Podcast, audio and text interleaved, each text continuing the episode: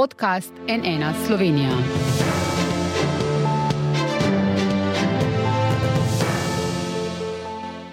Dobro dan, to je NN studio. Kar ni in ni konec silovitih neurij v tem poletju. Bičejo nas po več dni zapored in čaka nas še ena nevarna noč, burno bo tudi v torek čez dan s tem, da sanacija po preteklih neurjih še zdaleč ni zaključena. Zato je tudi danes potekal poseben sestanek vseh pristojnih služb s predsednikom vlade Robertom Golobom. Bo torej pomoč lahko prišla hitreje in kaj nas čaka v naslednjih urah? Bodo res neurja še močnejša kot prejšnji teden? Direktno sestanka na vladi je v naš studio prišel vršilec dožnosti generalnega direktorja uprave za zaščito in reševanje, gospod Leon Behin. Dobr dan, dobrodošli. Dobar dan. Prek eh, video povezave pa je z nami tudi meteorolog z Agencije za okolje Anže Medved. Dobr dan, to ni vam. Dobar dan. Začniva pa mi dva, gospod Behin. Slišali smo premijeja Goloba na novinarski konferenci. Cilj je torej, da bi pomoč na prizadeta območja, ki jih je tokrat zares veliko, začela prihajati hitreje. Kako bo torej država to omogočila in kaj je trenutno morda pri tem največja ovira? Ja, dejansko lahko rečemo, da smo v zadnjih dveh, treh mesecih vzpostavili zelo dober in učinkovit sistem eh, vračila tako imenovanih intervencijskih stroškov.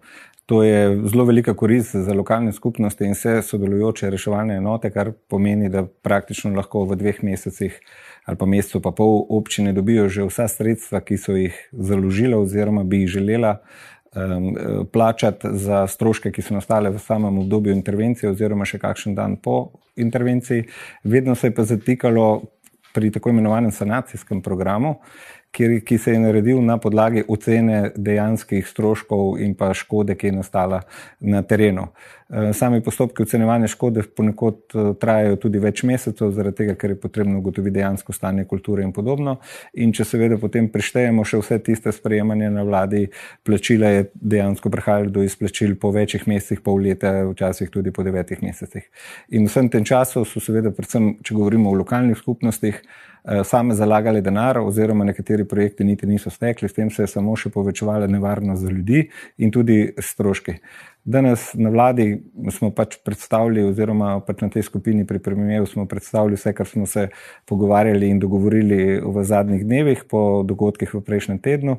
In ključna zgodba vsega tega je, da se pripravi spremembo zakona o odpravljanju posledic naravnih nesreč in da ne čakamo več končnih ocen, ampak se izdelajo hitre delne ocene na podlagi stroškov eh, in ocene občin v konkretnem primeru, če govorimo o občinah, in da se takoj na podlagi tega že izdela program nujnih ukrepov za odpravo in zmanjšanje eh, pač nevarnosti za ljudi, kar pomeni, da bi občine lahko prejele sredstva bistveno, bistveno hitreje, kot jih prejemajo danes. Lahko govorimo o enakih časovnih rokih, kot velja za intervencijske stroške, oziroma v obdobju recimo enega meseca po sprejetju tega delnega programa. Je to torej to, kar ste se danes na vladi dogovorili, kar je v bistvu eh, v petek predlagalo tudi Združenje občin Slovenije? Oni so predlagali spremembe zakona o odpravi posledic naravnih nesreč in zagotovitev dodatnih sredstev v okviru sklada za eh, podnebne spremembe. Obenem so pozvali k preusmeritvi sredstev iz načrta za okrevanje in odpornost na področju civilne zaščite in gasilstva. Ste torej njihovim predlogom v celoti sledili?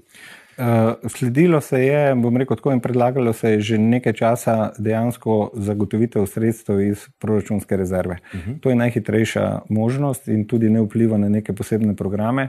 V primeru uporabe programa za podnebne spremembe je seveda potrebno sprejeti spremembe programe vsakokrat in v primeru tako nepredvidenih dogodkov je to relativno zahteven material, zaradi tega se pač v tem trenutku nismo zato na hitro odločili, ampak je to predmet pogovorov v prihodnje za neko srednjeročno obdobje, mhm.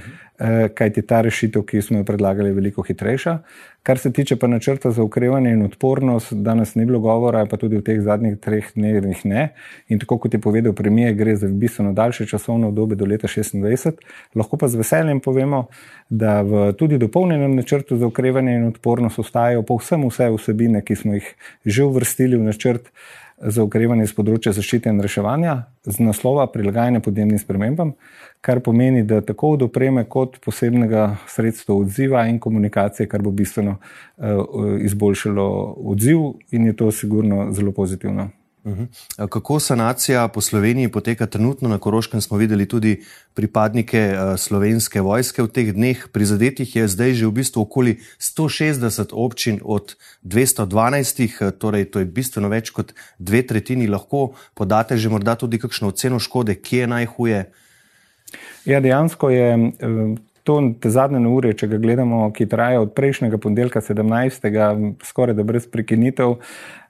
Do, do sobote, zdaj imamo napoved, še praktično danes po noči, mm. jutri, in se ostalo zgleda, da se bo vse skupaj potegnilo nekje na 10-12 dni. Res mi upamo, da se vsaj število občin bo povečalo. Škoda je res velika. Najbolj prizadete občine so predvsem na Koroškem, Črna, po obsegu zelo katastrofalna občina Vojnik. Tudi Dobrna predvsem v tem, tem predelu, eh, tudi pomorske občine še odprej. Tako da praktično so gorenske, recimo, tudi težko govorimo, kje bo največja škoda, ker je to neurje eh, zelo specifično od kraja do kraja. Ponekod se pojavlja, recimo, kot je bilo izpostavljeno na Koroškem, predvsem zemljski plazovi, ki so nevarni za bivanje ljudi, pač eh, infrastruktura in vse ostalo, istočasno se pojavlja tudi veter, škode od vetra in toče.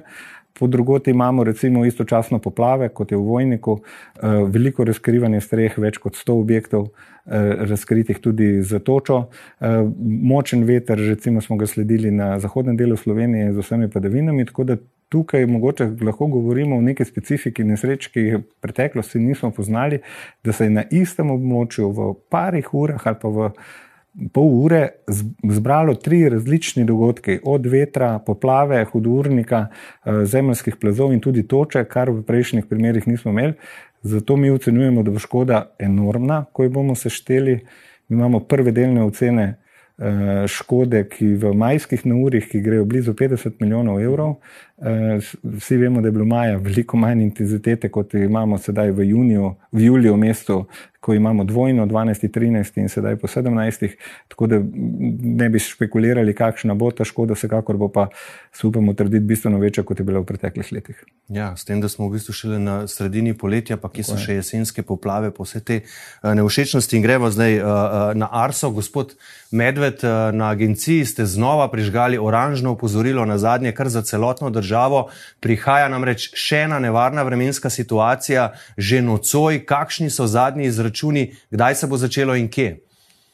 Ja, prve plohe in tudi nevihte že dansko nastajajo na območju Slovenije, bolj pa nas skrbi to večerno dogajanje, kajti na severu Italije že nastajajo močnejše nevihte, ki jih bodo sedaj ti močni jugozahodni vetrovi počasi nosili k nam.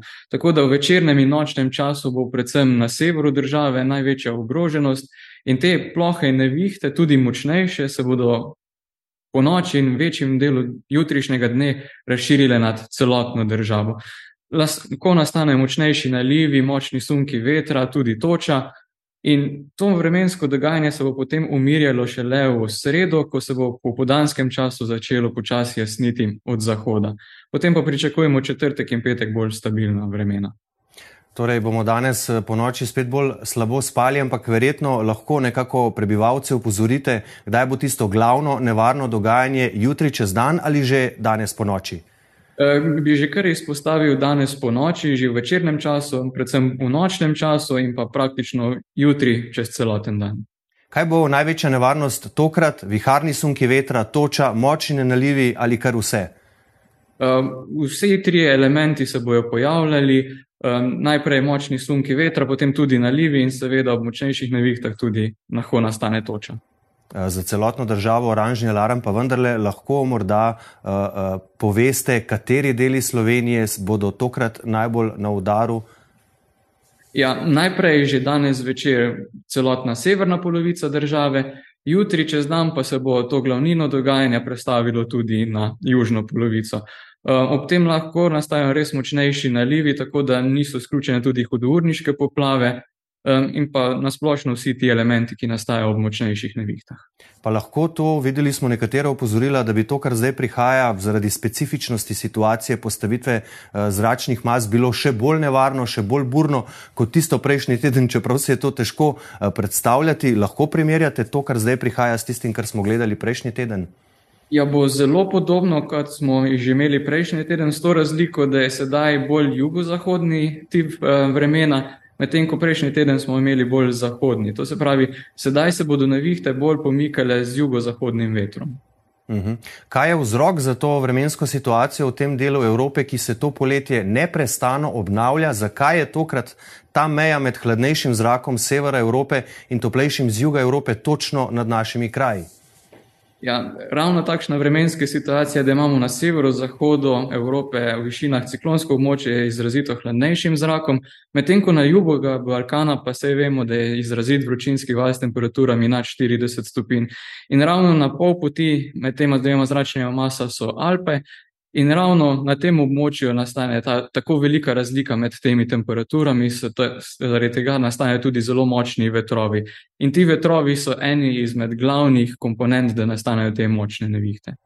Pol, poleg tega pa je tudi Sredozemsko in Nedransko morje nadpoprečno toplo, izhlapeva enormna količina vode, seveda pa vemo, da toplejši zrak in bolj vlažen zrak je bolje nestabilen in prej nastanejo te nevihte.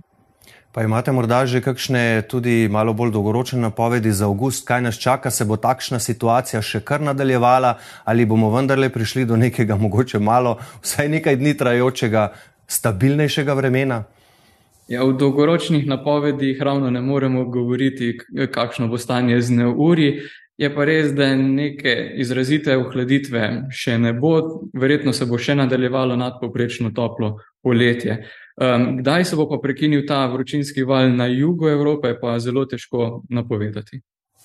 Bomo vsekakor uh, spremljali tudi vi, gospod Behin, zagotovo. Uh, Pur, bom rekel, z zanimanjem in zelo pozorno spremljate, kaj se, kaj se dogaja in tudi kaj napovedujejo vremenoslovci, kako je uprava za zaščito in reševanje pripravljena na to dogajanje, kar zdaj sledi, nocoj in jutri čez dan, kaj lahko storite, morda tudi za samo preventivo. Ja, jaz mislim, da je največ kar lahko naredimo vsi preventiva. Uh -huh. Um, izogniti se moramo v vsakem primeru smrtnim žrtvam, poškodbam in vsem, kar se lahko zgodi. To je najpomembnejše in zato mi že praktično deset dni upozarjamo, da vsi, ki se nahajajo na mestih, kot so kampišča oziroma drugih nezavarovanih, da so zelo pozorno spremljajo te dogajanja in tudi napovedi, ker se pa vse zelo hitro dogaja, praktično v nekaj deset minutah, je pa mogoče pametno, da se poiščejo pravočasno zatočišče, tako kot je povedano danes tudi preko noči, kajti noč je komplicirana v tem smislu, da ponavadi se zavemo nevarnosti, ko je že dejavnost praktično eh, tam, kjer smo mi. Eh, na upravi zaščito in reševanje, seveda skozi vse to obdobje smo skupaj z regijskimi izpostavami, štabi in vsem ostalim praktično stalno na terenu z eh, svojimi enotami, robe in vsega ostalih, kar potrebujemo od vreč, nastanitvenih kapacitet, postelj, obrokov in vsega ostalega imamo dovolj, tako da iz tega ni problemov, in predvsem apeliramo na preventivo ljudi. In v tej priložnosti, seveda, bi pozval vse, da se obrnejo na našo spletno stran, uh mhm. -huh. kjer se tudi da dobiti zelo dobre napotke, kaj delamo v primeru toče, kako se ravnamo v primeru vodotokov, kaj ob drugih neurjih, eh, zaradi tega, da ne počnemo nekih stvari, kot je zaščita naših jeklenih koničkov ali pa vsega ostalega ob točah in vsem ostalim, ker s tem res izpostavljamo življenje sebe, pa tudi izlete v gore, obiske in vse ostalo je naš apel, da se to umakne, na mogoče nekoliko bolj stabilno vreme, eh, bolje je biti 24 ur kasnejše, kot uh, končati kje druge. Hkrati pa mogoče še prošnja. Naša številka 112 ob teh uh, nesrečah doživlja res enormne klice, mi beležimo tudi več sto klicev praktično v desetih minutah. Mogoče se dogodi, da nekaterih klicev ne moremo dvigati, ker je omejitev sistema. In v tem priložnosti prosimo, da tisti, pač, ki imajo toč, točo poškodovane, kakšne posamezne strešnike, nepomembne, recimo v narekovaju, seveda, nepomembne škode, da nekoliko počakajo, da tisti prvi naval mine, kajti nekateri ljudje res nujno potrebujejo pomoč, ker tukaj so ali lahko osebno poškodovani ali pa tudi uh, kako drugače, tako da včasih je bolje počakati pol ure. Ja, je pa v bistvu verjetno tudi za vas težko, sploh glede na to, da se v bistvu vsaj ta zadnja neurja, zdaj, ki smo jih imeli, pojavljajo na res številnih območjih. Niso omejena samo na nek del Slovenije ali na Prekmorje ali Koroško, Primorsko, Gorensko, kakorkoli, ampak dejansko lahko zadanejo uh, katerikoli uh, del. Kaj pa recimo z, z potmi? Recimo včeraj sem se sprehajal po domačem kraju, ki je še vedno kar precej opustošen od uh, sredinega neurja prejšnji teden in še vedno nad sprehajalnimi potmi recimo visijo veje, ki so se odlomile, pa še niso odstranjene. Skratka, ali ne bi bilo morda smiselno tudi ljudem svetovati, da dokler vse te nevarne razmere ne minejo, da ne hodijo po gozdovih, sploh ne, ampak tudi ne po sprehajalnih poteh, ki recimo so še kakšna nagnjena drevesa, ki morda še niso razžagane, odstranjene in tako naprej. Kaj svetujete tudi ne na zadnje lokalnim oblastem v takih situacijah, ali ne bi bilo smiselno, da se take stvari, take poti zaprejo? Ja, dejansko ste sami povedali zelo, zelo pomemben moment. Uh -huh. e, več sto tisoč kubikov je poškodovanega drevja v gozdu, ampak mogoče še bolj kot v gozdu, tudi v urbanih in parkovnih površinah. E, nekatere lokalne skupnosti, ne na zadnje, na, recimo ravne na Koroškem, so se odločili za zapiranje kompletnih parkov, uh -huh. dokler se ne posanirajo zadeve. To je seveda zelo priročen ukrep, ki kjer, kjer, za katerega sem prepričan, da bodo vsi tisti sprehajalci in uporabniki te površine razumeli, da je potreben čas, da se more tudi vreme umiriti, kajti tudi za posredovalce ali pa za gozdarje ali pa druge, ki čistijo eh, te površine, ne moreš iti v času največje nevarnosti in je potreben določen čas, da se sanira. Ta sanacija bo sigurno potekala tudi po umiritvi še vsaj en teden, 14 dni, zato tega seveda zelo previdno. Eh, tam, ker je potrebno, seveda, lokalne skupnosti naj zapirajo eh, te poti zaradi varnosti, ravno iz tistega, kar sem povedal, izogniti se moramo kakršnim koli žrtvam, tudi samo poškodbam, da ne govorimo o hujših scenarijih. In e, nažalost se vsega seveda ne da zapreti in se ne sme zapreti. Zato je na vsakem od nas, da pač pametno razmišlja. Včasih je treba tudi kako trimčkanje se odpovedati ali pa kak sprehod mm. in res uporabljati samo uh, take prave površine. Pa tudi še ena zadeva, ki je zelo. Um, zelo težko je v dnevu dveh odstraniti vse opeke uh, in vse ostalo, kar se nahaja na strehah. To je zelo težko videti in v resnici ob vsakem malo večjem vetru ali pa pač neki drugi zadevi lahko nekaj pade dol, kar do sedaj ni.